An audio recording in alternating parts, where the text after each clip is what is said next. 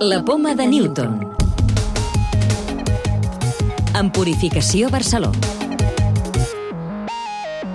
Investigadors catalans han aconseguit reproduir en ratolins les cèl·lules encarregades de la producció d'insulina, la qual cosa podria portar en el futur a noves teràpies contra la diabetis. Serà el tema central del programa d'aquesta setmana. També us parlarem de com es defensa del nostre organisme el paràsit de la malària i d'un nou sistema per tractar lesions coronàries calcificades.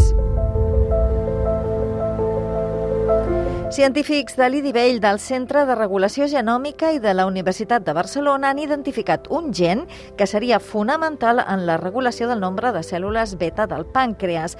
El que han vist és que si s'inhibeix aquest gen durant el desenvolupament embrionari, s'aconsegueix incrementar el nombre d'aquestes cèl·lules i, per tant, la producció d'insulina.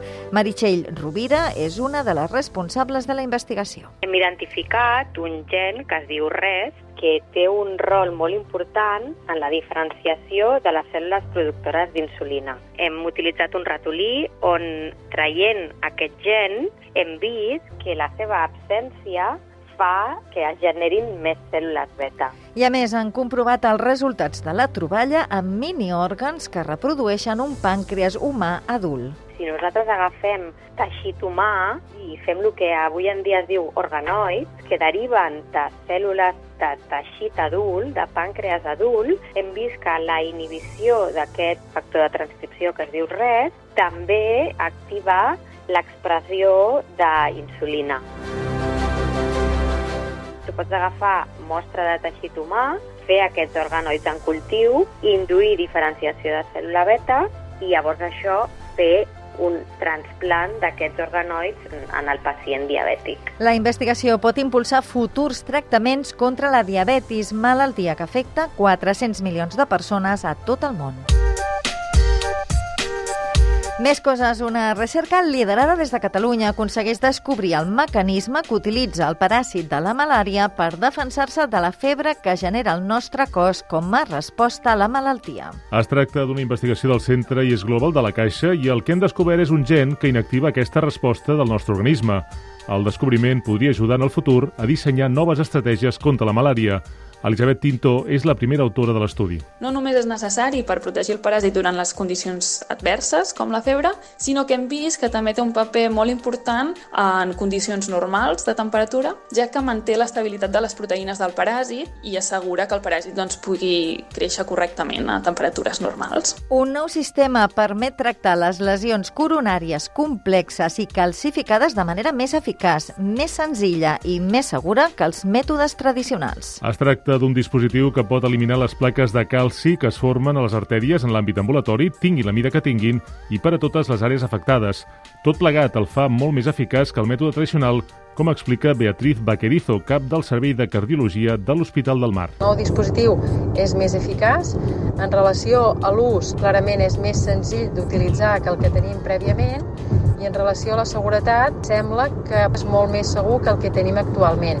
El telescopi Hubble ha detectat l'estrella més llunyana que s'ha observat fins ara. Està situada a 12.900 milions d'anys llum de nosaltres. De fet, ja no existeix perquè es va formar quan l'univers encara era jove i va explotar fa milions d'anys. Els científics creuen que és un descobriment important per entendre l'evolució dels estels i com es van formar al principi de l'univers. Investigadors del CSIC identifiquen una nova diana terapèutica contra la malaltia de Huntington. Han descobert un nou mecanisme molecular implicat en la patologia basat en una vitamina, la tiamina. Han vist que una disminució en el transport de tiamina contribueix a la degradació progressiva de les cèl·lules cerebrals. Això podria servir per dissenyar teràpies contra la malaltia de Huntington basades en aquesta vitamina i en una altra, la biotina. Llibres de ciència.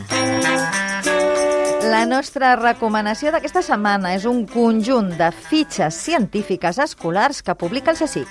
Es tracta d'una iniciativa del projecte educatiu Geociències en el Col·legio de l'IGEO, l'Institut de Geociències del CSIC, i té com a objectiu el foment de la cultura científica en l'àmbit educatiu i social.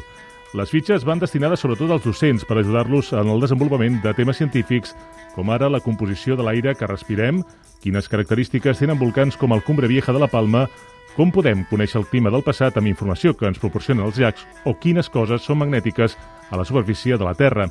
Totes les fitxes estan escrites per experts i expertes en cadascuna de les matèries que tracten i poden servir com a suport per establir noves vies de divulgació de la ciència. Es pot accedir a totes les fitxes a través del web de l'IGEO. La clau de volta.